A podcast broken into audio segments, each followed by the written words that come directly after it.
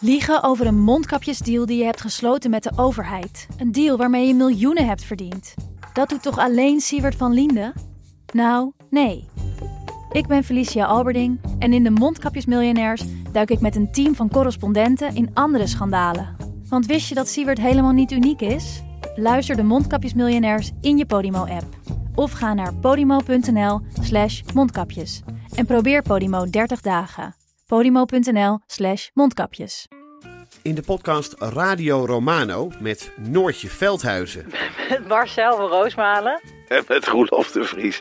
brengen we alle drie elke week een zogenaamde signalering mee. Wat heb jij nou weer bij je? En aan het eind bepalen we wie de winnaar van de week is. Echt een angstcultuur Lege huls die je er bent? Ja, dat gaat eigenlijk altijd onvriendelijk. Luister nu naar Radio Romano bij Podimo. Via podimo.nl slash Radio Romano luister je 30 dagen gratis. Ik zit hier niet voor mezelf. Het is niet zo dat ik hier zit om alleen maar te denken: hoe overleef ik dit? Ik zit hier om te zorgen dat ik eh, de dingen doe waar het land weer verder mee kan. En eh, ik wist ook toen de stikstofcrisis uitbrak dat ik dacht dat wordt iets waardoor je nou ja, niet meteen de populariteitsprijs gaat winnen. Dit is Betrouwbare Bronnen met Jaap Jansen.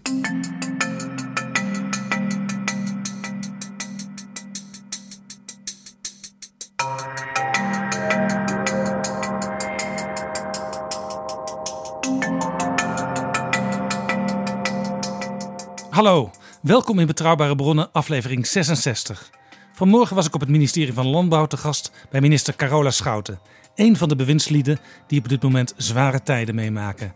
Laten we meteen maar gaan luisteren. Maar niet dan nadat ik nog even een oproep doe aan Betrouwbare Bronnenluisteraars die het misschien interessant vinden om deze podcast te gaan sponsoren. Bijvoorbeeld met advertenties. Betrouwbare Bronnenluisteraars zijn hoog opgeleid en bovenmatig geïnteresseerd in politiek en bestuur. Onze luisterschare is jong. Driekwart is in leeftijd tussen 18 en 35 jaar. Misschien wel de ideale doelgroep. Praat er maar eens over met Flip Kilian Adams van Dag en Nacht Media. Stuur hem een mailtje, dan neemt hij contact op. Flip, apenstaart, dagennacht.nl. Ik herhaal, flip, apenstaart, dagennacht.nl. En dan nu snel naar de minister. Dit is Betrouwbare Bronnen, een podcast met betrouwbare bronnen. Ik ga praten met Carola Schouten, vicepremier namens de ChristenUnie in het kabinet Rutte 3. En de afgelopen tijd vooral in het nieuws als geplaagd minister van Landbouw. Carola Schouten, welkom in Betrouwbare Bronnen. Dank u wel. U kreeg zaterdag een heel groot applaus op uw partijcongres. En tegelijkertijd zie ik in het land protestborden met bijvoorbeeld daarop Schouten opzouten. Wat doet dat met u, die beide beelden die eigenlijk tegelijk plaatsvinden? Nou, het is een, een hele hectische tijd. En ook, eh, nou wel een tijd waar veel onrust is. Ook, ook in de sector waar ik eh, natuurlijk aan, ja, aan het hoofd van het ministerie sta, de landbouwsector. En eh, nou, dat maakt indruk. Ik bedoel, daar, eh, dat laat je niet zomaar onbewogen. En, eh, niet zozeer omdat je, ja, dat je weet altijd dat er maatregelen zijn die, die mensen raken. En, en, en dat hoort ook wel bij, bij het ambt. Tegelijkertijd uh, zie je nu ook dat er echt wel uh, veel onzekerheid is. En ja, ik wil niets liever dan dat ik die onzekerheid snel kan wegnemen. Dat ik ook kan zeggen hoe we alles gaan doen, hoe de toekomst eruit ziet voor boeren. En ja, dat lukt niet altijd gelijk. Uh, dat, daar, daar moeten soms veel stappen voor genomen worden. Dus nou, dat zie je aan de ene kant ook, nou, dat dan de Malieveld vol staat. En inderdaad, afgelopen zaterdag hadden we ook een partijcongres. En nou, dat was wel ik was daar wel door verrast dat ik, uh, dat, ik dat, uh, nou ja, dat men toch een soort bemoediging, uh, zo ervaarde ik in ieder geval, dat dat een soort steun in de rug was van ga door en, en hou vol. Nou ja, dat doet ook wel weer goed. En, ja. Wat je nu ziet is dat um, mensen trekken naar het Malieveld. Niet alleen boeren, maar ook, we hebben de bouwers gezien, de leraren, de zorgsector. De oude organisaties, de, de, de polderaars die ook vaak op uw ministerie de deur platlopen, bijvoorbeeld LTO Nederland, die lijken eigenlijk ook een beetje de voeling met hun eigen achterban kwijt te zijn geraakt. Heeft u daar zorgen over? Ik denk dat je in de brede eigenlijk ziet dat uh, wij kennen eigenlijk wel een vrij traditioneel model van vertegenwoordiging. Um, niet alleen in de landbouwsector, dat zit ook natuurlijk in het onderwijs, in, uh, in de zorg in alle sectoren. En waarin je ziet dat nu steeds meer ook andere groepen in zo'n sector opstaan. Ehm, soms ook voor deelbelangen, ook soms meer omdat ze niet eens zijn met de traditionele vertegenwoordiging. En uh, die ook hun plek gaan opeisen en ook zeggen van nou, wij, wij zijn het er niet mee eens, wij willen toch dat het op een andere manier gaat. En dat uh, aan de ene kant geeft dat, toont dat betrokkenheid van mensen aan. Uh, dat er, het, het, laat, ja, ze laten hun stem horen. Maar ook, het is ook wel ingewikkelder geworden in die zin van wie zijn dan precies je gesprekspartners, ook als minister. Um, met wie moet je ook proberen om ook weer verder te komen. Wij zijn wel echt een polderland. We proberen er natuurlijk altijd met de samenleving ook uit te komen. Ik denk dat dat ook echt wel de manier is waarop we dat moeten blijven doen. Maar het is nu ook wel uh, soms zoeken van ja, met wie kun je dan de afspraken maken en wie representeert die groep dan? En dat zie je bij vakbonden, dat zie je in het onderwijs en ook in de landbouw. Ja, want uh, tot niet zo heel lang geleden was het zo dat als een minister voor een moeilijk probleem stond, uh, dan belde hij of zij eventjes met een, met, met een vertegenwoordiger van een van die grote organisaties, om even te voelen hoe dat misschien zou vallen. En nu weet u dus eigenlijk niet meer wie u moet bellen. Nou, het, is ook niet zo dat ik dan even ging bellen en uh, dat ik even gelijk doorkreeg van oh, dit is wel oké of dit is niet oké. Zo werkt dat nou ook weer niet. Er zitten uh, vaak ook met, uh, met de, de, traditionele vertegenwoordigers heb je ook wel heftige discussies en, en pittige debatten. nee, zo makkelijk heb ik het in ieder geval niet ervaren. Um, maar het, en je, je, je wil als je ook afspraken maakt, natuurlijk ook afspraken maken, proberen te maken met degene die ook uh, een achterban representeren. Nou, dat is nog wel steeds het geval. Alleen uh, je ziet ook dat als je dan een afspraak maakt met vertegenwoordigers, dat dat voor een ander deel van de sector dan uh, ja, niet geldt. Of dat die zich daar ook dan weer niet door gerepresenteerd voelen. En um, in die zin is het, is het dan niet meer ook de manier om ook uiteindelijk weer uh, de rust te krijgen of dat soort zaken. Um, nou, dat weet je. We hebben nu, um, ik heb gisteren ook een gesprek gehad met het Landbouwcollectief. Ja, dat zijn de, de, de, eigenlijk de verenigde organisaties waar zowel LTO Nederland, de grote uh, traditionele club, als de nieuwe alternatieve clubjes ja. in zitten. Ja, dat is Farmer Defence Force en dergelijke, die hebben zich daar ook allemaal bij uh, in verenigd. Um, en dat vond ik wel sterk, dat ze gewoon wel met, met één plan kwamen. En dat ze ook zeiden van nou, dit is iets waar wij gewoon met elkaar voor gaan. En tegelijkertijd is het, um, ja, is het ook wel echt uh, zoeken van hoe gaan we dat ook met elkaar weer verder vormgeven. Ja, want ze hebben, ze hebben een idee bij u neergelegd. Dat kost wel meteen bijna 3 miljard euro. Ja, ja, toen het gepresenteerd werd, toen uh, moest ik wel glimlachen. Want mijn begroting is ongeveer 1 miljard euro. En ik kan er natuurlijk nooit op tegen zijn als mensen zeggen... er moet meer geld bij de landbouw, het mag niet van de begroting komen... en we willen 3 miljard. Als minister denk je dan natuurlijk... nou, dat is toch uh, veel enthousiasme voor mijn begroting. U zegt eigenlijk, dat kan sowieso nooit, dat, dat plan op die manier uitvoeren. Nee, ik heb het gesprek ook met ze gevoerd. En er zitten uh, heel veel elementen in die ik uh, ook herken. Ook in maatregelen waarin ze zeggen, wij kunnen een bijdrage leveren aan die verlaging van die stikstof. Dat willen we ook. En we hebben daar ideeën over. Dat vind ik echt heel positief. Aan de andere kant zitten er ook zaken in, en daar hebben we gisteren het gesprek ook over gevoerd. Uh, bijvoorbeeld een, een, hoogte van een bedrag. Ik, ik, ik, ik lees dat zo en ik, ik beluister dat zo. Dat ze zeggen, als iets van ons gevraagd wordt, stel ons daar ook toe in staat. Nou, dat vind ik een begrijpelijke vraag. Uh, het is niet zo dat de landbouw nu alleen allerlei maatregelen moet nemen, de kosten moet uh, dragen. En dan vervolgens dat, dat daar ruimte gecreëerd wordt voor andere activiteiten die daar niks aan hoeven te doen. Um, dat begrijp ik. Uh, maar ik heb ook gezegd, ik heb te maken met een gerechtelijke uitspraak waarin ook de stikstof naar beneden moet. Um, dus als je zegt, die ruimte moet allemaal in de sector blijven. Ja, dat, dat, ik moet juist, we moeten met z'n allen omlaag. En uh, dat is, dus dat hebben we ook wel besproken gisteren. Dus het is niet zo dat je dan een plan gelijk overneemt en zegt, en we lopen door. Nee, dat, ieder heeft daar zijn verantwoordelijkheid in. Maar het feit dat ze gewoon aan tafel komen en erover praten, uh, uh, dat is goed. En dat is ook denk ik de manier om hier weer verder te komen met elkaar. Wanneer komt u met een totaalplan? Nou, dit is niet een, een iets waar, uh, waar totaalplannen of masterplannen voor worden gepresenteerd. Dit is een, elke keer weer een stap zetten in een heel complex dossier. Um, we hebben nu natuurlijk eerst een klein eerste pakket gepresenteerd waarin uh, we met name de woningbouw en een aantal weg- en waterbouwprojecten uh, willen vlottrekken. Um, maar we weten dat er veel meer nodig is om te zorgen dat die stikstof naar om, omlaag moet. Ja, want de woningbouw weer op gang laten komen, dat kan vrij makkelijk door bijvoorbeeld de maximumsnelheid. te verlagen. Dat is een van de maatregelen, ja. Uh, maar de landbouw is hier natuurlijk nog helemaal niet uh, aan de orde geweest in dit plan. Nee, dat is niet waar. We hebben natuurlijk ook gezegd dat de landbouw via het voer ook een, een aandeel uh, meeneemt. Um, dat zat ook in de plannen van de landbouw zelf. Um, maar het is waar dat we gewoon, en dat geldt niet alleen voor de landbouw, maar voor alle sectoren, dat we ook echt met elkaar moeten nadenken hoe gaan we die stikstofemissie verlagen. En um, nou, dat is een, een, een complex vraagstuk. Ook technisch is het complex, maar ook wel politiek. Je moet uh, maatregelen gaan nemen waar, um, nou ja, waar je ook met elkaar flink moet praten om daar gewoon uit te komen. Ja, ik hoorde vandaag dat er al wat meer koeien uh, wat langer de wei ingaan. Dat is goed, hè? Ja, ja het is uh, beter om uh, koeien langer in de wei te hebben. je krijgt ammoniak doordat de ontlasting in de stallen bij elkaar komt. Op het land is dat minder het geval. En, dat is een soort chemische reactie, want het ja. valt allemaal in dezelfde put. Ja, klopt. En dan krijg je extra ammoniak. stikstof. Ja, dan krijg je ammoniak. En ammoniak die, dat wordt weer omgezet in, in stikstof. En, uh, of tenminste, dat is een. een uh, je hebt dan verschillende verbindingen. Nou, de, de scheikundige beelden zal ik maar even achterwege laten. Maar het, um, uh, en als je minder ammoniak uitstoot, dan heb je ook een, uh, een minder groot probleem. Dus je zoekt naar mogelijkheden, ook in de landbouw, om dat op die manier te doen. Nou, dat is bijvoorbeeld door koeien ook langer in de wei te kunnen laten gaan.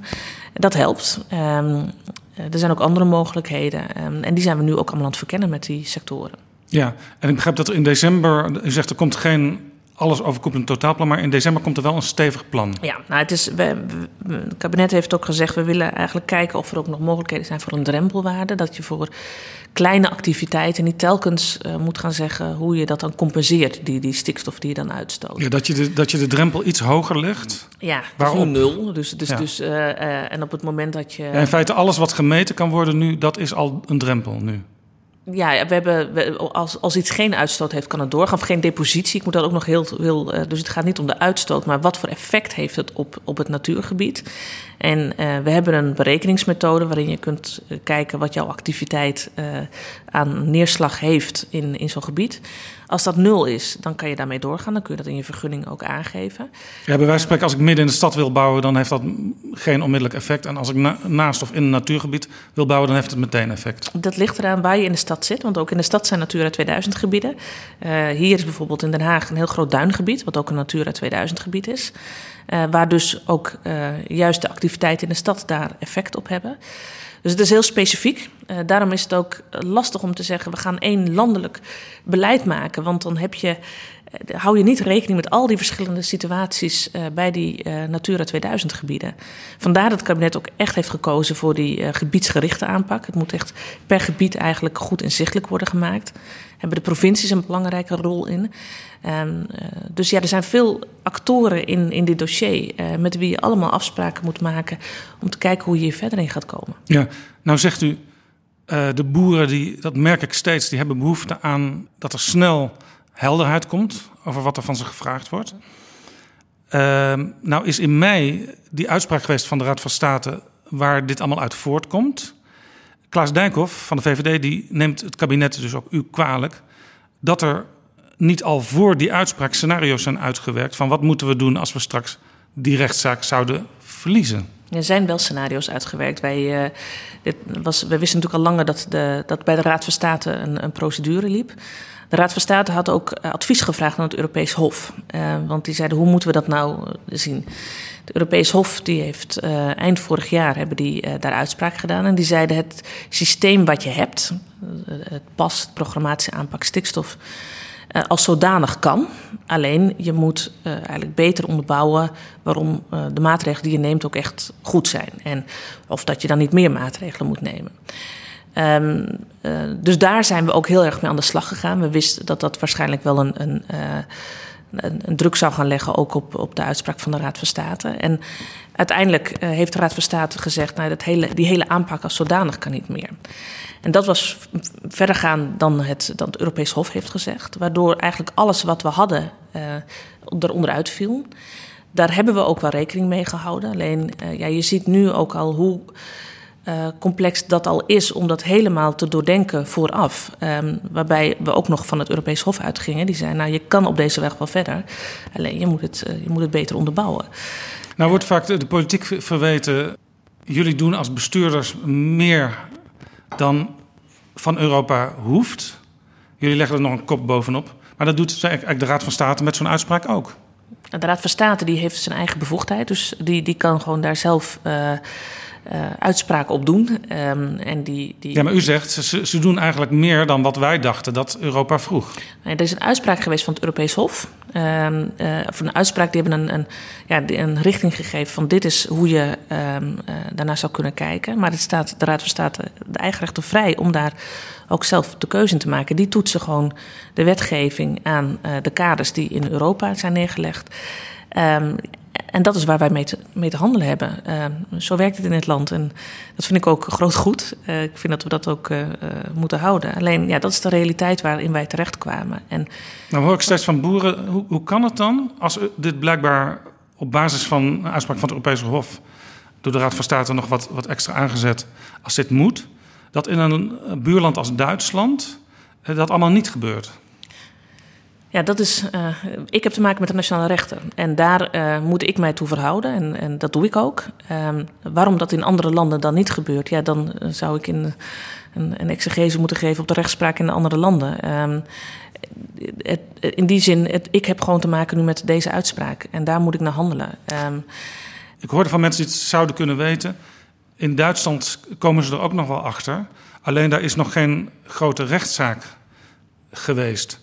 Zou dan niet eigenlijk vanuit Nederland ook al voor, het rechtsgevoel van de eigen burgers uh, moeten zoeken naar een manier om te bevorderen dat er in Duitsland ook een uitspraak komt? Ja, nee, dat, ik vind nou niet mijn, mijn rol om, om een rechtszaak in een ander uh, lidstaat te gaan voeren op het beleid dat zij voeren. Uh, ik denk voor elke lidstaat geldt dat ze zich moeten verhouden tot de Europese wet en regelgeving. En ja, dat is nu, in Nederland is daar een uitspraak over geweest hoe dat gebeurt.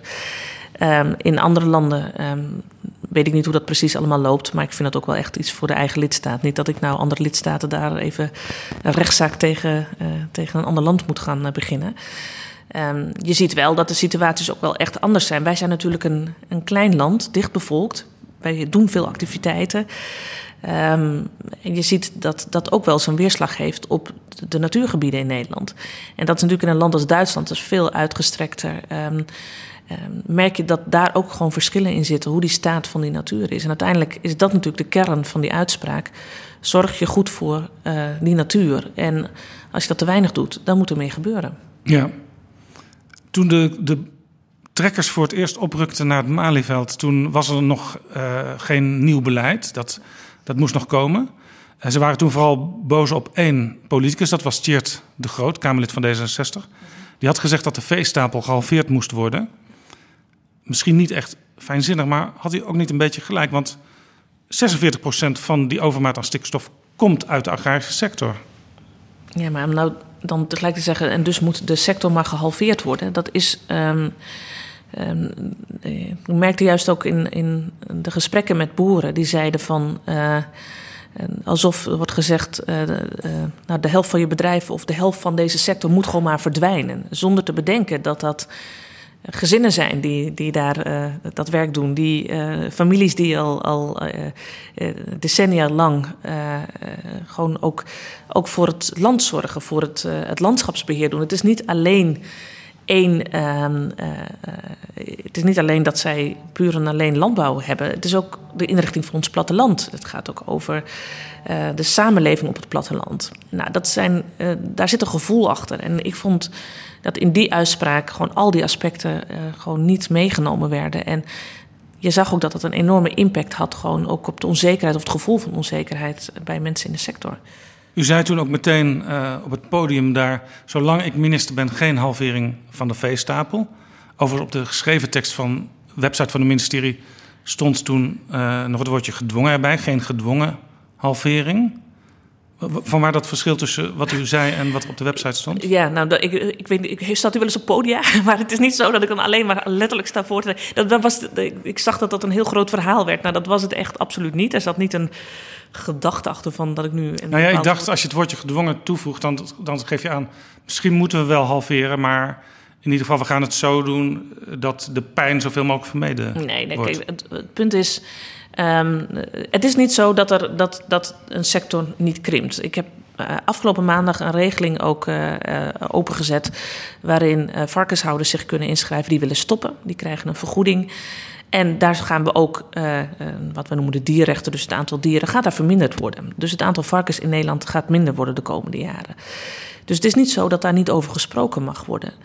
Alleen als je gelijk zegt het moet gehalveerd worden, dat, is zo, dat heeft zo'n impact. En ik zal niet zeggen dat, er, uh, dat, er, dat het aantal dieren uh, minder zal worden in Nederland de komende jaren. Alleen uh, in deze mate, dat gaat echt niet gebeuren. En, en die duidelijkheid wilde ik wel geven, want ik merkte dat daar juist veel onzekerheid over was. Um, en dat, dat gaat gewoon echt de komende jaren niet Had, had Tjeerd de Groot beter kunnen zeggen... de uitstoot moet gehalveerd worden? Ja, ook. En ook van, weet je, en dan, dan kan je dat kan je op verschillende manieren doen. En uh, dat kan door bijvoorbeeld uh, meer uh, extensief landbouw te krijgen. Ook op, op, andere manieren van landbouw, zoals kringlooplandbouw. Um, je kan ook kijken nog naar, naar meer de, de technische componenten, als de, wat voor stallen heb je dan voor die dieren. En dat is juist de hele zoektocht die we nu eigenlijk aan het doen zijn. Van wat zijn de manieren om dat uit te stoten. En ook hoe past dat ook bij een manier hoe iemand boer wil zijn? Uh, want dat is ook heel divers in dit land. En daar zoek je ook de ruimte voor. Maar we wel weten, ja, die, die emissie moet omlaag. Ja, ik hoorde u trouwens later in een persconferentie nog wel zeggen... dat gedwongen sluiting misschien wel gaat gebeuren in provincies.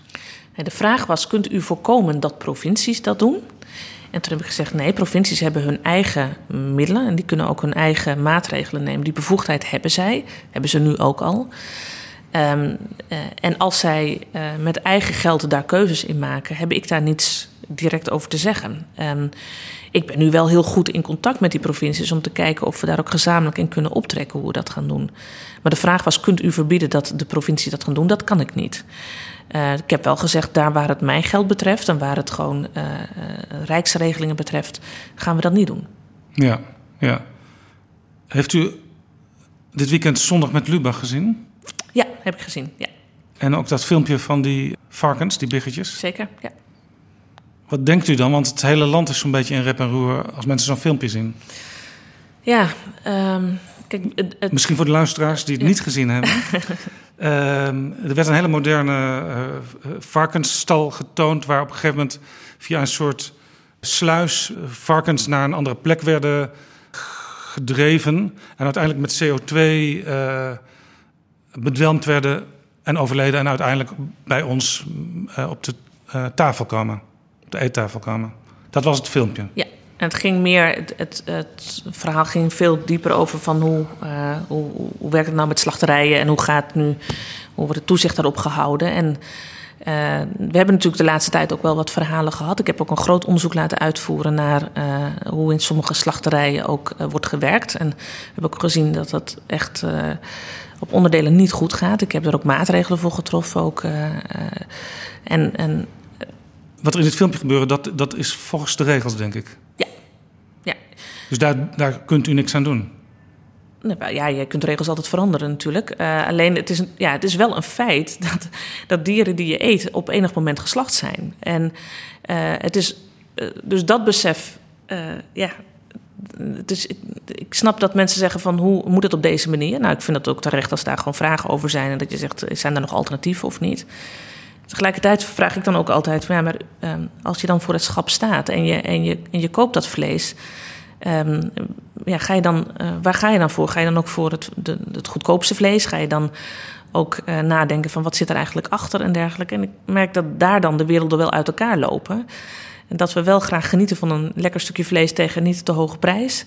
Ja, daar is wel wat voor gebeurd voordat dat op je bord uh, verschijnt. Dus het is ook wel een vraagstuk, denk ik, meer breder voor de samenleving. Kijkt u daar zelf naar als u, in, als u voor het schap staat? Ja, ik koop wel bewust uh, uh, beter leven uh, vlees. Dat is schalvlees? Nee, je hebt daar verschillende gradaties in. 1, 2, 3 sterren. Dat heeft ermee te maken onder welke omstandigheden de dieren ook zijn gehouden. Um, en hoe meer sterren, hoe. Nou ja, Want echt schouwvlees, dat is in Nederland geloof ik maar 1% van de productie. Het is een heel klein deel van de markt, inderdaad. En ja, dat geeft al aan dat uh, als je echt voor dat vlees kiest. En ik koop overigens ook wel vlees uh, meer direct bij de boer. Uh, dus dan weet je helemaal waar het vandaan komt en wat voor leven het heeft gehad. Um, maar als je, ja, dat het dus niet een heel groot segment is in Nederland, niet heel veel mensen die daar dan voor kiezen. Uh, terwijl we daar wel uh, vaak een uitgesproken mening over hebben. En dan vind ik het wel interessant om te weten waarom die twee zaken niet bij elkaar komen. Nog een ding. In het pakket wat onlangs gepresenteerd is om op korte termijn al de bouw weer op, uh, op gang te helpen. daar staat in dat u en uw collega's in Brussel opnieuw gaan praten over de Natura 2000 gebieden. Daar heeft Nederland een heleboel gebieden aangewezen. Ruim 160, ja. De redenering is, sommige stukjes zijn wel echt postzegels. Zou je niet beter wat meer gebieden aan elkaar kunnen knopen, zodat het wat overzichtelijker wordt? Maar nou zegt iedereen die er iets van weet, ja, Nederland heeft zelf die gebieden aangeleverd bij Brussel. En als dat eenmaal gebeurd is, dan kun je eigenlijk alleen nog maar daarvan af als je echt wetenschappelijke fouten kunt aantonen of iets dergelijks. Ja, de marges zijn smal, dat klopt. Het is niet eenvoudig om. U zei zelf ook eerder tegen de Kamer van, nou, dat heeft niet zoveel zin om dat te gaan doen. Het, is een ingewikkeld proces, um, omdat inderdaad Nederland zelf de Natura 2000 gebieden ooit heeft aangewezen. En um, als je daar dus uh, iets in wil veranderen, dan moet je uh, van goede huizen komen om aan te tonen dat, waarom je dat op die manier niet meer doet. Tegelijkertijd vind ik het ook wel, ehm, wel goed om te bekijken van we hebben best veel natuur. We zien nu wel dat die natuur in geen, niet in een goede staat is. Sommige gebieden gelukkig nog wel, maar de meeste ook niet. Vandaar ook die stikstofuitspraak. En wat we willen is die natuur die we hebben, dat we die ook echt verbeteren. Dat we die op een hoger plan brengen. Dat we zorgen um, dat, dat die soorten die daar, die daar zijn, uh, die, die uh, de habitatten en de soorten noemen we dat altijd, dat die um, ook echt wel op een hoger plan komen. Um, omdat het nu daar gewoon niet goed mee gaat. Het kan best zijn dat daar mogelijkheden zijn om, om, om dan die, uh, die gebieden misschien op een andere manier in te richten, zodat je, dat, je daar meer robuustere natuur krijgt. En uh, ik wil wel kijken of daar mogelijkheden toe zijn. Ik weet dat het ingewikkeld is. Uh, ik wil het ook samen met de provincies doen. Die gaan uiteindelijk ook over het natuurbeleid. En, uh, zodat je uiteindelijk ook kunt zeggen: Nou, is het zo dat we ook echt een beter natuurbeleid kunnen krijgen als we dat op een andere manier doen? Ja, dat, dat gaat u dus eigenlijk tegen de Europese Commissie zeggen.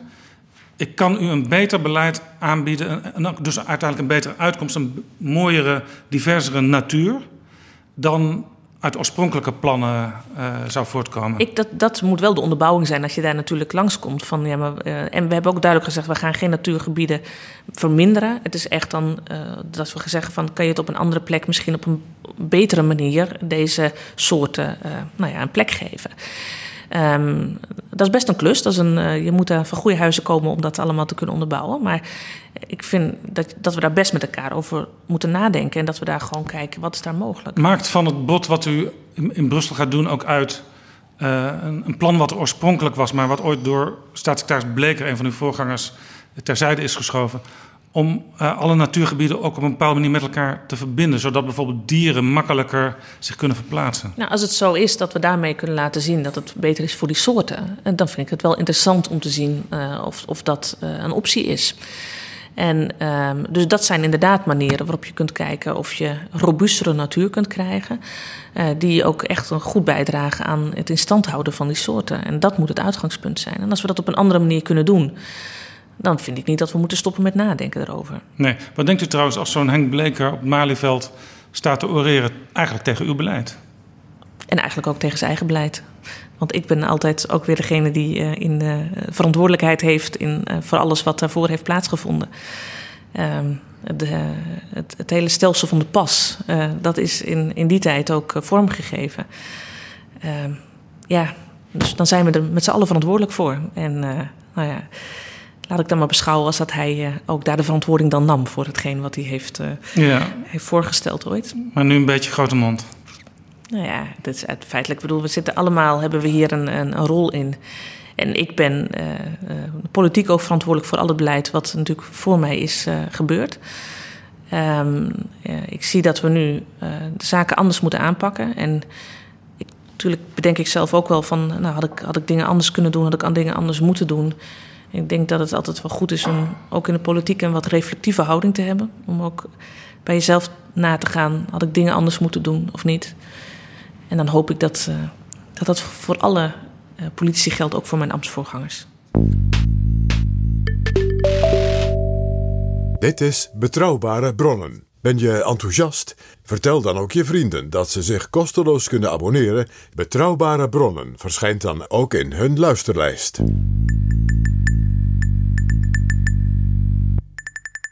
En ik praat met Carola Schouten, vicepremier namens de ChristenUnie en minister van Landbouw, Natuur en Voedselkwaliteit. Is de schepping in gevaar? De schepping is wel iets wat we moeten beschermen. En dat het niet vanzelfsprekend is. Dat wij um, soms um, uh, geneigd zijn om te denken aan, aan, aan, wat we zelf belangrijk vinden, wat fijn is voor onszelf. En niet per se wat voor impact dat heeft op anderen of op de natuur of op de schepping. En uh, we hebben wel allemaal de plicht om daar wel over na te denken. En ook te kijken wat we moeten doen om, uh, om dat te beschermen. Is de schepping in gevaar? Nou, het, hele absolute uitspraken over de schepping en over uh, het gevaar. Ik, ik, denk wel dat we nou ja, echt wel de plicht hebben om, om te, te, beschermen. En dat dat ook wel meer kan dan dat we nu doen. Ja, ik vraag het omdat uh, uw uh, partijgenoot Carla Dick Faber zegt, Tweede Kamerlid... onze manier van leven put de schepping uit. Dat vertaal ik dan, de schepping is in gevaar. Nou, dat, put het uit. Dat, dat risico zit er wel in, wat zij zegt. Dat, dat onderschrijf ik ook wel. Dat, zien we denk ik nu ook.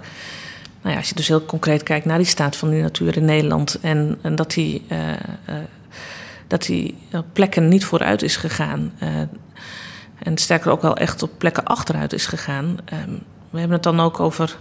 Sterker nog, Nederland is ongeveer het slechtste jongetje van de klas in de Europese Unie. Als ja. het om natuurbescherming gaat. Ja, dat klopt. En daarom uh, is dat niet goed. En daarom moet daar ook wat aan gebeuren. En dat is ook waar we nu mee bezig zijn. Het, het, het, um, het is een heftige uh, situatie, de hele stikstofcrisis. En tegelijkertijd is nu uh, bij alles wat we nu, ook, waar we nu ook met elkaar over hebben, staat ook centraal: wat doet dit met de natuur? En in die zin is dat bewustzijn nu echt wel binnengekomen. Um, en, uh, en, is dat ook onze taak, ook als politiek, om te zorgen dat we die vraag ons steeds blijven stellen? Ja, maar als het eigenlijk zo, zo, zo dramatisch is, zou u dan niet moeten zeggen, een beetje zoals Joop den Uyl destijds bij de energiecrisis. Hij zei: Het wordt nooit meer zoals toen. Of Ruud Lubbers, die op een bepaald moment zei: Nederland is ziek. Eigenlijk nog meer de bittere waarheid spreken. Ik denk dat die waarheid wel redelijk is binnengekomen deze uh, periode. En, um, en ook dat het besef nu er wel is in, in alle activiteiten die wij doen. Dat we ook uh, ons moeten bedenken, wat, wat doet dit inderdaad voor onze leefomgeving, voor de natuur? En uh, dat we daar nou ja, te lang eigenlijk te weinig rekening mee hebben gehouden. En als ik nu ook de discussies heb over bijvoorbeeld ook, nou ja, ik spreek tegenwoordig ook wat bouwers en dergelijke. Die ook zeggen, nou weet je, uh, het is heel penibel op dit moment ook. En, uh, en ik voel overigens ook de verantwoordelijkheid wel om te zorgen dat mensen niet werkloos thuis komen te zitten. Dat bedrijven niet failliet gaan. Maar dat ze ook zeggen, we kunnen ook nog wel meer doen dan nu. Om te zorgen dat we bijvoorbeeld op een andere manier gaan bouwen. Of dat we op een andere manier het bouwproces doen. Um, er, is een sterker bewustzijn nu om, om te zorgen dat al onze activiteiten, dat we zorgen dat die nou, in ieder geval niet meer schade doen dan dat we tot nu toe hebben gedaan. En nou ja, dat is wel uh, goed dat we nu op die manier naar de zaken gaan kijken. En, uh, ja, en daar waar er nog meer maatregelen moeten worden genomen, dan moeten we die ook nemen. Ja, over meer maatregelen gesproken. U gaat er niet direct over, maar wel als lid van het kabinet. Er wordt geroepen, ook in uw eigen partij, om het vliegverkeer eens uh, aan te pakken. Want de uitstoot van vliegen is natuurlijk ook heel erg groot. Ja dat klopt. Heeft u er last van dat u eigenlijk in de voorste linie moet staan met de landbouw en dat dat uh, vliegverkeer pas later komt? Want daar moet nog uh, Remkes zich over uitspreken. Ja. Uh, dus dat, dat zien we pas over een aantal maanden komen. Ja. En, en, en, boeren roepen, er waren zelfs jonge boeren die het idee hadden: wij gaan Schiphol uh, blokkeren. Uh, want die, die, die, het zit hen tot aan de nek. en tegelijkertijd zien ze dat er elders nog niet meteen iets gebeurt. Ja dit is, de stikstof gaat niet over één sector. Stikstof gaat niet over, alleen over landbouw. Die gaat echt over alle sectoren. Ook over luchtverkeer, over mobiliteit, over industrie. Dus op al die fronten zal er wat moeten gaan gebeuren. Um, en uh, dan is het waar dat we op sommige uh, rapporten nog wachten en sommige uitspraken nog wachten. Maar het besef dat dit uh, voor iedereen impact heeft, dat is er wel. En dat moet ook, want het is niet zo dat hier één iemand nu uh, degene is die dit allemaal heeft veroorzaakt. Als je het, uh, als je het uit, uitzoomt en beschouwt, dan is het uiteindelijk bedoel, de politiek maakt keuzes, de politiek geeft ruimte of geeft geen ruimte. Nou, als je dan al zou kunnen spreken van schuldigen, dan zou ik zeggen omdat er geen politieke keuzes zijn gemaakt. In ieder geval niet voldoende uh, om te voorkomen dat we in deze situatie zitten. En dat reken ik mijzelf ook aan. Ja, want u was uh, weliswaar niet altijd deelnemer aan kabinetten, maar wel vaak van grote invloed als ChristenUnie via uh, overleggen met kabinetten. Ja, waarbij uh, ik, toen ik merkte dat dit niet echt een thema was. dat is ook wel veranderd dit jaar. Bedoel, tot nu toe was dat, stond dat niet op de hoogste plek nee, op de agenda. Sterker nog, er is een heel nieuw vliegveld aangelegd, Lelystad. Het kan vandaag in gebruik worden genomen. Maar de conclusie kan best wezen dat het nooit zal worden gebruikt. Ja, daar kan ik niet, zeg ik altijd maar dan heel politiek op vooruitlopen. We weten wel dat er ook wat moet gebeuren uh, op het terrein van de luchtvaart. En, uh, en dat daar ook echt naar gekeken gaat worden. Heeft u zelf last van vliegschaamte? Nou, ik, ik vlieg nu wel meer sinds ik deze, dit ambt bekleed. Je, je bent meer aan het vliegen dan ooit. En ik merk wel dat ik denk er wel nu over na van wat betekent dat voor mijn privé uh, uh, reizen, zeg maar. Uh, ik wil niet zeggen dat ik daarmee niet vlieg. Um, in die zin ben ik niet, niet een heilige of iets dergelijks. alleen in, in de breedte gewoon het bewustzijn van ja, hoe leef je en welke keuzes maak je.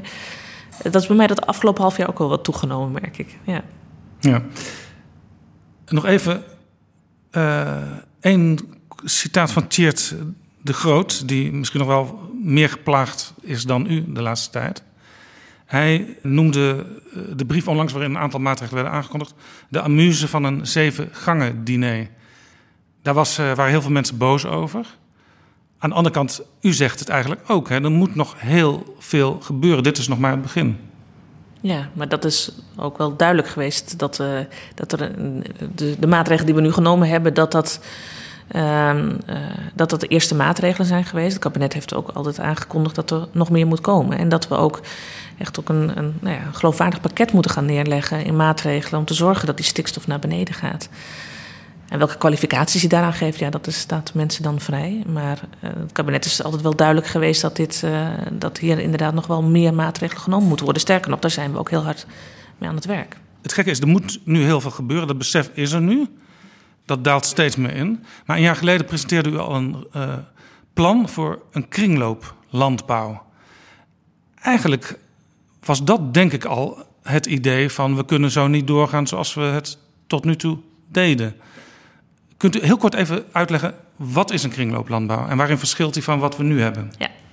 Een kringlooplandbouw, het, het, woord zegt het al, eigenlijk zorg je dat, dat wat je uh, produceert en de wijze waarop je het, het weer eigenlijk gebruikt, dat het helemaal in kringlopen gaat. Dus um, dat bijvoorbeeld uh, dat je uh, mest van dieren gebruikt om je bodem vruchtbaar te maken, dat je de teelten daarvan afhaalt, dat je de reststromen die daar zijn bijvoorbeeld weer als voer ook weer teruggeeft aan dieren en dat je daarmee dus ook een, ja, een kringloop creëert. Um, eigenlijk hele um, hele uh, oude wijsheid, eigenlijk boerenwijsheid, die uh, al nou, eeuwen eigenlijk uh, op die manier geldt.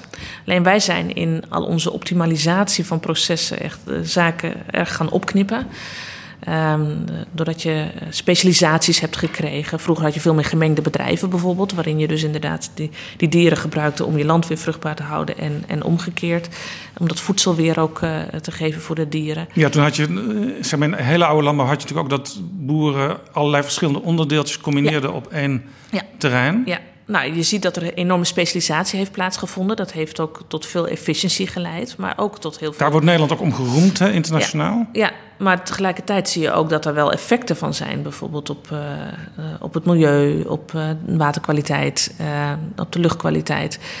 Um, waar, we, nou ja, waar we nu ook wel echt voor grote vraagstukken staan. En eigenlijk wil je weer naar een, een landbouw toe waarin die emissies gewoon weer beperkt zijn. En dat kan dus op andere manieren van produceren. Dus veel meer dus deze, dit soort kringlopen te hebben. Dan, we hebben nu eh, bijvoorbeeld, we gebruiken nu veel kunstmest, waar we uh, gewoon de dierlijke mest ook zouden kunnen gebruiken. Uh, zeker als je die nou ja, hoogwaardiger maakt, zeg maar, wat we vaak noemen. Um, we hebben nu veel reststromen van, dat zien we nu als afval van, van productie. En dat bevat ook weer heel veel waardevolle eiwitten die uh, dieren bijvoorbeeld weer uh, tot zich kunnen nemen. Um, we hebben al die schakels doorbroken als het ware. En um, juist uh, die principes, die, die, die boerenwijsheid die eronder ligt, die zou je juist weer moeten gaan hanteren, ook in de, in de nieuwe manieren van landbouw. Um, en dat is waar we aan het werk zijn, om juist ook te zorgen dat die emissies omlaag zouden gaan. In Grubbevorst wordt de allergrootste megastal van Nederland gebouwd. 35.000 varkens 1,2 miljoen kippen. Ja. Past dat in die kringlooplandbouw? Dat is een, een stal waar, uh, waar we niet veel emissies zullen hebben. Die worden daar natuurlijk technisch allemaal, uh, allemaal uitgehaald. Dat is mooi. Ja, dat, dat, dat, je ziet dus dat wel verschillende vormen van landbouw in, in Nederland, dan, uh, die zijn er al. En voor een melkveehouderij zou zo'n model niet kunnen. Want je hebt daar gewoon, ik bedoel, die koeien die hebben ook Um, uh, nou ja, die, die, die hebben ook wel meer levensruimte nodig en dergelijke. Um, ja, er zijn in Nederland verschillende vormen. En ik, ik, voor mij zou het wel heel belangrijk zijn om te kijken hoe we die kringlopen echt wel kunnen besluiten. Um, ik weet niet precies hoe dat op dit bedrijf werkt. Um, maar er zitten ook ja, vraagstukken achter van willen we dit op deze manier? Het gaat niet alleen om kunnen we zo efficiënt mogelijk zoveel mogelijk dieren houden, maar wat betekent het ook voor ons uh, gemeenschappen, voor ons platteland? Uh, het wordt dus het zou kunnen zijn dat u in de toekomst bij, bij, bij nieuwe, nieuwe zeg maar, mega-stalplannen... dat u een soort kringlooptoets doet van past dit eigenlijk wel in waar wij naartoe willen? Ja, er, zijn, er is niet één kringloopmanier. Ik geloof wel dat de principes van de kringlooplandbouw wel overal toepasbaar zijn. En dat we daar ook wel meer naar, naartoe moeten en naar moeten kijken. Um, maar het gaat hier natuurlijk ook van hoe is het dierenwelzijn uh, bij die uh, stallen uh, geborgd ik wil wel, ik heb hier wel, toen ik kwam, toen had ik altijd, moet zeggen, toen ik net begon, ook wel een beeld van: dit is een goede stal en dat is een slechte stal. En daar heb, je wel, heb ik wel andere visies ook wel op gekregen. Je kan zeggen van nou, kleinschalig een oude stal, nou prima. Terwijl het dierenwelzijn daar veel slechter is dan bijvoorbeeld in een grotere stal, uh, waar je op het eerste gezicht zegt, nou, is dit nou wel wat we willen? Het gaat erom, hoe gaan we met die dieren om in die stallen? Um, kunnen zij uh, ook echt, nou ja, een, een, goed leven daar hebben als je en ik weet dat het goede leven van een dier, dat daar verschillende opvattingen over zijn. Maar uh, dat is wat mij betreft ook wel echt de toets waar je naar zou moeten kijken. Ja. Um, Nederland is de tweede landbouwexporteur ter wereld. Ik neem aan dat u daar trots op bent. Nou, ik vind het geen doel in zichzelf. Um, ik, ik, bedoel, het is een, een, resultaat van de manier waarop we onze landbouw georganiseerd hebben. Maar ik vind niet dat, uh, dat dat nou een doel moet zijn wat we per se bovenaan het lijstje moeten hebben. Want kwaliteit van de productie is belangrijker dan kwantiteit. Ja, in Nederland is de kwaliteit ook wel goed. Dus het is niet zo dat het elkaar uitsluit. Maar uh, dan kom ik gewoon weer terug op, op de vraagstukken waar we mee hebben begonnen. Uh, wat tegen welke prijs, soms bijna letterlijk en figuurlijk, uh, produceren we dan? En de prijs heb ik het bijvoorbeeld ook over het inkomen van de boer. Want je ziet ook dat steeds meer boeren nou ja, zich gedwongen voelen ook om, om in grotere aantallen te produceren. Misschien ook als ze dat zelf helemaal niet willen. Terwijl ze daar uh, echt geen hoog inkomen aan ontlenen. En dan is wel de vraag, ja, wij produceren dan veel, maar waar, waar slaat die winst dan neer? En hoe hou je dat als boer ook vol op die manier? En als het enige adagium dan is, het moet nog goedkoper tegen nog lagere kosten, ja, daar zit gewoon een grens aan. En die kosten die slaan dan gewoon ergens anders neer. En dat is wel de realiteit die we nu ook onder ogen zien. Ja, in het CDA was onlangs een enorme fus omdat in een uh, partijrapport stond...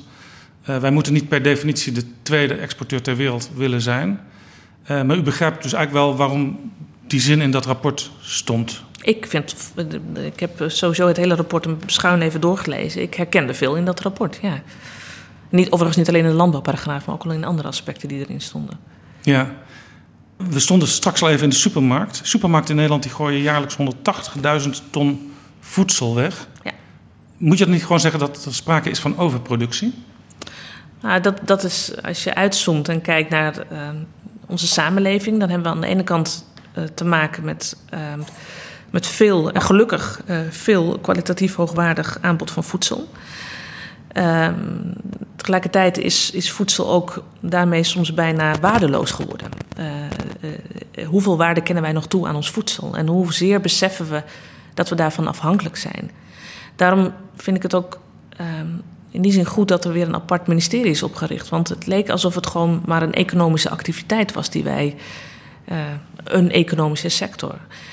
Nou, dat is het allerminst. Het is een, een, sector waar die impact heeft op, op onze omgeving. Het is een sector die ons voorziet van de meest, nou, ons meest waardevolle in het leven ongeveer. Dat is voedsel, anders dan zitten wij hier niet. Um, en als je dat alleen maar in economische termen beziet, dan is dat echt beperkt. Het gaat hier om zoveel meer. En Um, maar tegelijkertijd um, is het voor ons ook wel heel uh, makkelijk geworden. We kunnen overal ons voedsel vandaan halen. We hoeven er niet veel moeite voor te doen. Uh, we staan er dus misschien ook wel weinig bij stil wat er allemaal achter zit.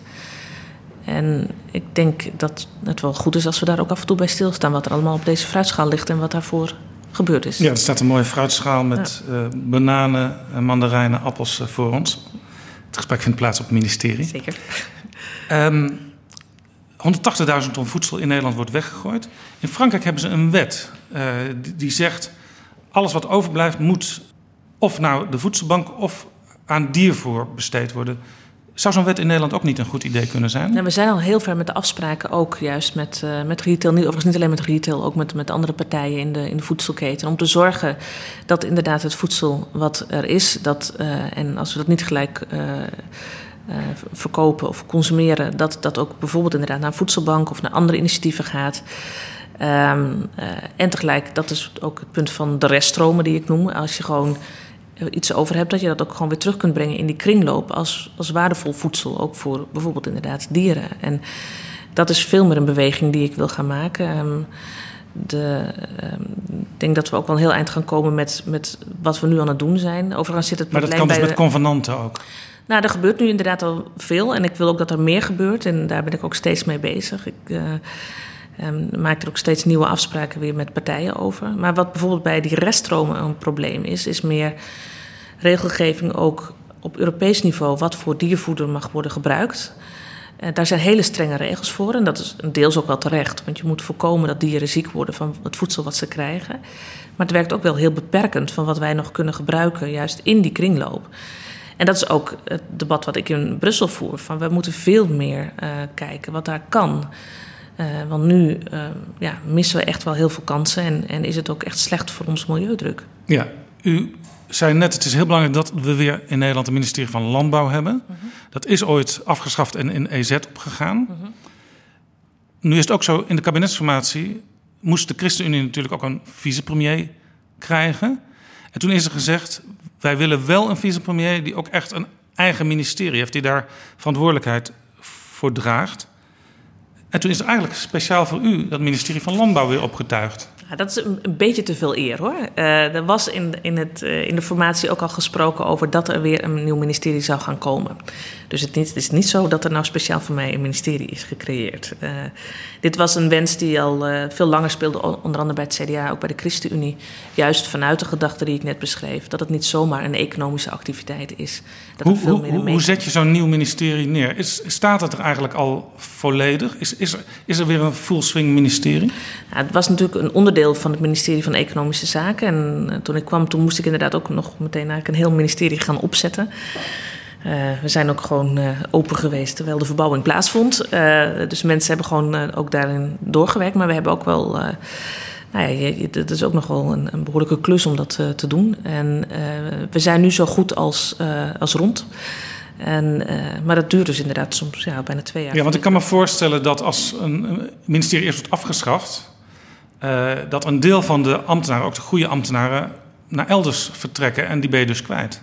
Ja, we hebben deze periode ook wel weer. Uh, we, we, hadden gelukkig nog heel veel goede ambtenaren. We hebben ook wel weer uh, mensen ook kunnen aannemen. Um, juist om veel vraagstukken die, nou ja, die nu dus ook echt naar voren komen. Dat je ziet dat je die mensen nodig hebt. Ook de mensen die bijvoorbeeld uh, rondom natuur, het landelijk gebied. Um, daar was met name ook op het gebied was natuurlijk heel veel kennis ook weg. Um, en daar zijn we weer aan het werk gegaan. Nou, je ziet nu ook hoe hard dat nodig is als je um, in, in zo'n stikstofdebat. Dat gaat ook over ja, hoe richten we ons land nou eigenlijk in? Welke functies vinden we belangrijk? Waar, uh, hoe ziet de toekomst van ons land eruit? Maar hoe zorg je er ook voor dat de activiteiten die je hebt, dat die ook weer bijdragen aan nou ja, de, de, vormgeving van, van het landschap en het land? U zit er nu ruim twee jaar. Heeft u wel eens last gehad van gebrek aan kennis, omdat gewoon het ministerie nog niet volledig op orde was. Ja, het, het voordeel is wel dat wij. Um, uh, een, uh, ik ben wel het ministerie dat ongeveer als enige een eigen universiteit heeft. Wageningen. Wageningen. En uh, dus als wij kennis nodig hebben, dan kunnen wij een hele universiteit leegtrekken. Dat die, wat onerbiedig gezegd. Nee, maar die, wij hebben heel veel kennis daar natuurlijk ook aanwezig.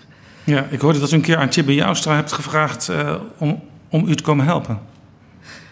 Nou, Tjibbe die heeft wel meer zaken. Tjibbe is hier natuurlijk SG geweest. Ja, tot dus die 2001. kent het ministerie, ja.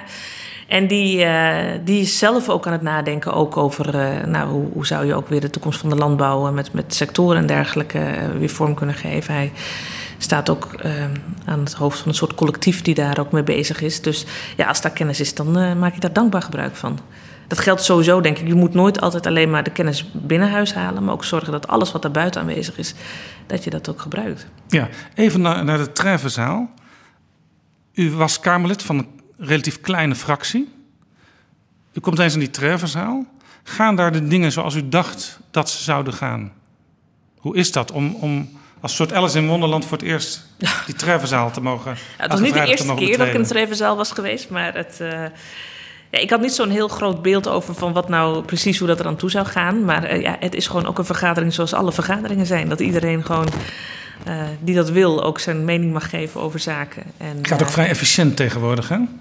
Nou, je hebt natuurlijk een. Uh, we hebben ook veel onderraden. Ja, waarin ook die vergaderen veel, voorafgaand en daar dinsdag. worden eigenlijk de hoofdbesluiten al genomen. Ja, daar wordt eigenlijk de, de meeste. Als er daar, daar heb je al een inhoudelijke discussie over de onderwerpen. Op het moment dat daar nog zaken spelen, nou, dan schrijf je misschien een week op om dan nog een discussie erover te hebben.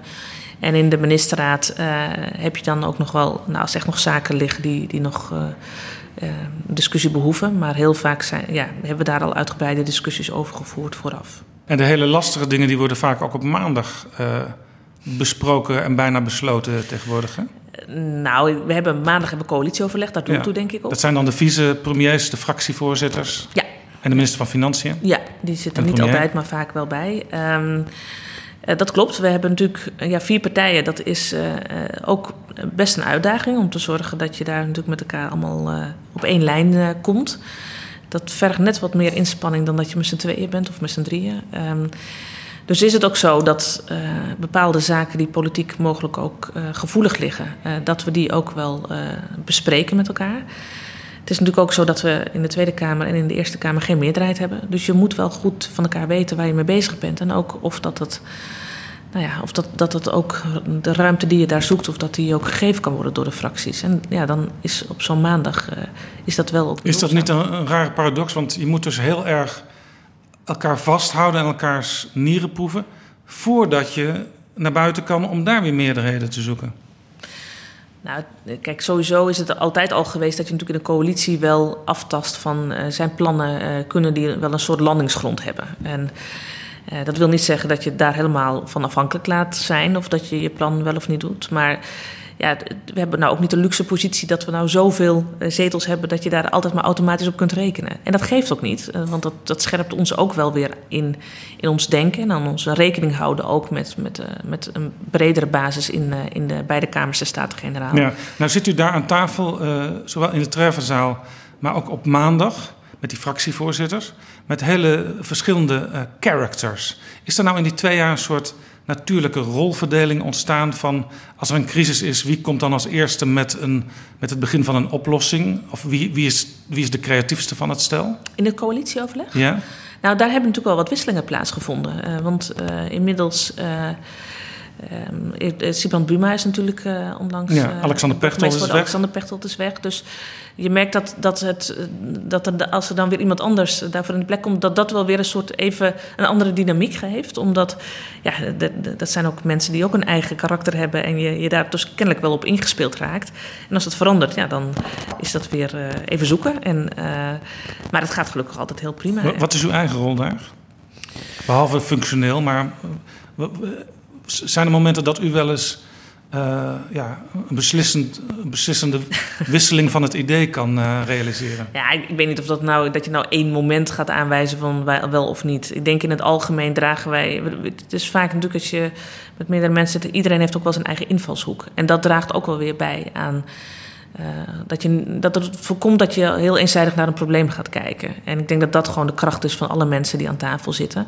Iedereen zet dan toch een ander accent, waardoor je ook wel wat meer tot bredere besluitvorming kunt komen. Ja, u had altijd al, ook als Kamerlid, een goede band met Wouter Koolmees. Uh, u reed ook samen af en toe naar Rotterdam uh, heen en weer. helpt dat in zo'n coalitie, dat je dat soort banden al hebt? Nou ja, ik, ik ken natuurlijk uh, wel meer mensen, ook in de coalitie. Uh, ik heb ook heel wat maanden nog uh, een onderhandeling gevoerd over een formatie... waar je ook wel weer een soort band krijgt met elkaar. maar het klopt inderdaad, met, met minister Koolmees, met Wouter Koolmees... heb ik, ja, we hebben eigenlijk al heel lang met elkaar opgetrokken... ook vanuit de Kamer in dezelfde commissies... En, onderhandelingen. En nu zitten we zelfs ook naast elkaar in de treffenzaal. Dus dat is altijd heel gezellig ook. En dan, uh, maar dan helpt het wel natuurlijk als je elkaar kent en ook snapt wat de ander belangrijk vindt. Uh, dat is altijd goed. Koolmees is van D66. Ik sprak uh, Gert-Jan Segers in Betrouwbare Bronnen aflevering 21 al een tijdje geleden. En toen vertelde hij, hij dat hij zich erover verbaasde... dat hij met de collega's van D66 zo'n goede band heeft gekregen, ook in deze coalitie... Heeft u die ervaring ook? Want D66 en ChristenUnie, ja, er, is bijna geen grote verschil, zou je zeggen. Als je kijkt naar de vier partijen die dit kabinet vormen. Ja, maar eh, ook daar heb je, ik bedoel, inhoudelijk kun je natuurlijk best ver van elkaar afzitten op, op onderdelen. Uh, overigens op andere onderdelen ook weer niet. Dan zie je dat D66 en ChristenUnie ook alweer, uh, bijvoorbeeld ten aanzien van, van milieu, uh, ook alweer dichter bij elkaar liggen. Um, maar dit gaat natuurlijk ook over personen. En je moet de personen in de zaak ook vaak wel scheiden. Dat is ook wel belangrijk om het hier vol te houden in Den Haag. Dan moet je die twee dingen echt uh, uit elkaar houden. En uh, ik, uh, ik onderschrijf, ja, ik kan het ook prima met, met Wouter Koolmees. Overigens ook met Hugo de Jonge of andere vice-MP's. Dat, is, dat, dat gaat heel goed met elkaar. En, en dat is ook wel mooi dat je ook zo'n vertrouwensband met elkaar kunt hebben. Dat is ook nodig, denk ik. Een week is een lange tijd in de politiek, zei Harold Wilson ooit. Ja. U heeft het eh, moeilijk gehad de afgelopen tijd. En Rutte zei zaterdag, er komt nog veel meer aan. Uh, op dit moment heeft uh, uw collega Ank Bijleveld van Defensie het moeilijk. Menno Snel, de staatssecretaris van Belastingen, heeft het moeilijk. Doet dat ook nog iets met zo'n team? Ik laat ik vooropstellen, ik zit hier niet voor mezelf. Het is niet zo dat ik hier zit om alleen maar te denken hoe overleef ik dit. Ik zit hier om te zorgen dat ik de dingen doe waar het land weer verder mee kan. En ik wist ook toen de stikstofcrisis uitbrak, dat ik dacht dat wordt iets waardoor je nou ja, niet meteen de populariteitsprijs gaat winnen. Maar dat moet hier ook nooit je doel zijn, uh, om hier de, uh, te gaan zitten om, om hoog in de, in de rijtjes terecht te komen. Ik, als ik ooit stop, dan moet ik kunnen bedenken, heb ik alles gegeven wat ik kon om te zorgen dat ik problemen oploste en ook, ook het land daar weer in verder bracht. Um, daar zal ik mezelf op toetsen, dat doe ik eigenlijk steeds. Uh, en niet van hoe, uh, hoe goed gaat het nou uh, met, nou ja, ben ik, ben ik, word ik nog leuk gevonden, ja of nee. Dus u zegt het eigenlijk, Gertjan Segers, nou, de coalitie is niet heilig. Nou, ik, ik denk, ik weet niet hoe die geduid is. Die is meer geduid van, het is... De... Nou, een beetje ook duiding van, oh, oh, pas op, de ChristenUnie die, die zegt nu ook van. Uh, moeten we heel goed opletten nou, wat we aan het doen zijn. Nou, aan het doen zijn. Het moet nooit je doel zijn als persoon om op deze plek te zitten.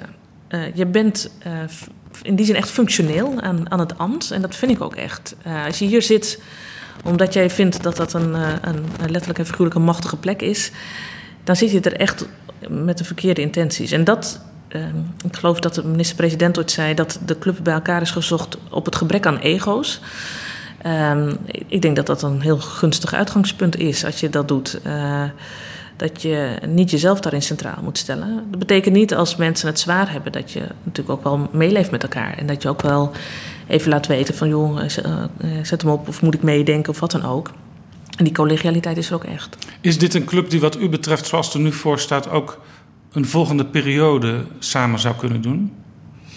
Ja, dat, dat, bedoel, we zitten nog midden in de, in de huidige periode. Om dan al over een volgende periode na te denken. Dat, dat was die uitspraak over een week is al heel lang in de politiek. Nou, dat kan ik helemaal onderschrijven. Dus ik kijk nou nog niet over anderhalf jaar. Tot slot nog even, toch nog even vooruitkijken. Want ik weet dat in 2015, toen Arie Slop uh, uit de Tweede Kamer uh, vertrok, ook als leider van de ChristenUnie. Toen keek u Gert-Jan Segers aan, Gert-Jan Segers keek u aan. U heeft toen allebei getwijfeld van wat zal ik doen? Zal ik het overnemen als fractieleider? Mhm. Vorige week was Gert-Jan Segers bij Sven Kokkelman op Radio 1. Toen zei hij over het lijsttrekkerschap. Want ja, daar moet je nu langzamerhand weer een beetje over gaan nadenken. Ik denk daarover, het begint met een groot vraagteken. Is dat ook de positie waarin u nu verkeert als het gaat over het lijsttrekkerschap van de ChristenUnie? Nee, ik ben, ja, ik ben nu de de vicepremier en de minister voor de ChristenUnie. En dat is echt een, uh, meer dan een dagtaak, kan ik u uh, verzekeren. En uh, ik ben echt nog niet bezig met wat ik hier nu allemaal straks hierna ga doen. helemaal op dit moment denk ik alleen maar hoe zorg ik dat ik, dat ik verder kom in die stikstofcrisis. Klinkt ook als een groot vraagteken. Ja, maar um, ook dat zijn zaken die je niet uh, even op een achternaamiddag uh, zomaar bedenkt. Ik bedoel, dat zijn inderdaad grote vragen. Uh, met ook grote consequenties voor, nou ja, voor, voor, voor, jezelf, maar zeker ook voor je, voor je omgeving, de mensen in je omgeving. En ik vind ook dat wij een hele goede lijsttrekker hebben. En dat is Gert-Jan Segers. En ik, Wie was het? Nee, die hebben we. ik, ik praat niet in de verleden tijd. Voor hem staat dat nog niet vast, dat hij het weer is. Nee, maar dat is natuurlijk iets wat ieder voor zichzelf echt goed moet bedenken. En, uh, maar uh, ik ben uh, echt tevreden met hem als lijsttrekker. Mocht het naar u toe komen, die vraag? Ja, dan... dan wordt het vraagteken wat kleiner? Nou, nee, dat is altijd een groot vraagteken. waarbij je op enig moment het een keertje, dat er een keer een punt moet komen. En dat is in het verleden zo geweest en dat zal in de toekomst ook altijd zo zijn. Ik ga u bedanken voor het gesprek. Toch nog even één allerlaatste vraag. Ik las in het Erasmus magazine... Dat, leest u, u, leest ook alles, hè? Toen u 18 was, een harde zakenvrouw wilde worden. U ging ook bedrijfskunde studeren. Bent u nu een harde minister? Het is niet, het is niet helemaal gelukt, hè, die harde zakenvrouw. um, Nee, dat was toen het soort idee van wat, wat zou je ideaal zijn. En, uh, toen dacht ik, nou, dat lijkt me wel wat. Maar ik, ik weet niet helemaal of dat ik mijn, uh, mijn karakter daarin mee heb. Nee. Maar dat mogen anderen beoordelen. Een harde minister, u moet wel stevige maatregelen nemen, maar ik, ik, associeer het ook niet meteen met u. Nee, ja, je moet soms ook echt wel. Uh, je moet soms ook wel hard zijn. Ik bedoel, je moet niet hier zijn om, om iedereen maar uh, te vriend te houden. En soms moet je keuzes maken die, die ook hard zijn. Uh, maar dat kun je ook op een manier die, waarbij je altijd ook wel oog houdt voor het menselijke. En dat probeer ik. Dank u wel voor dit gesprek.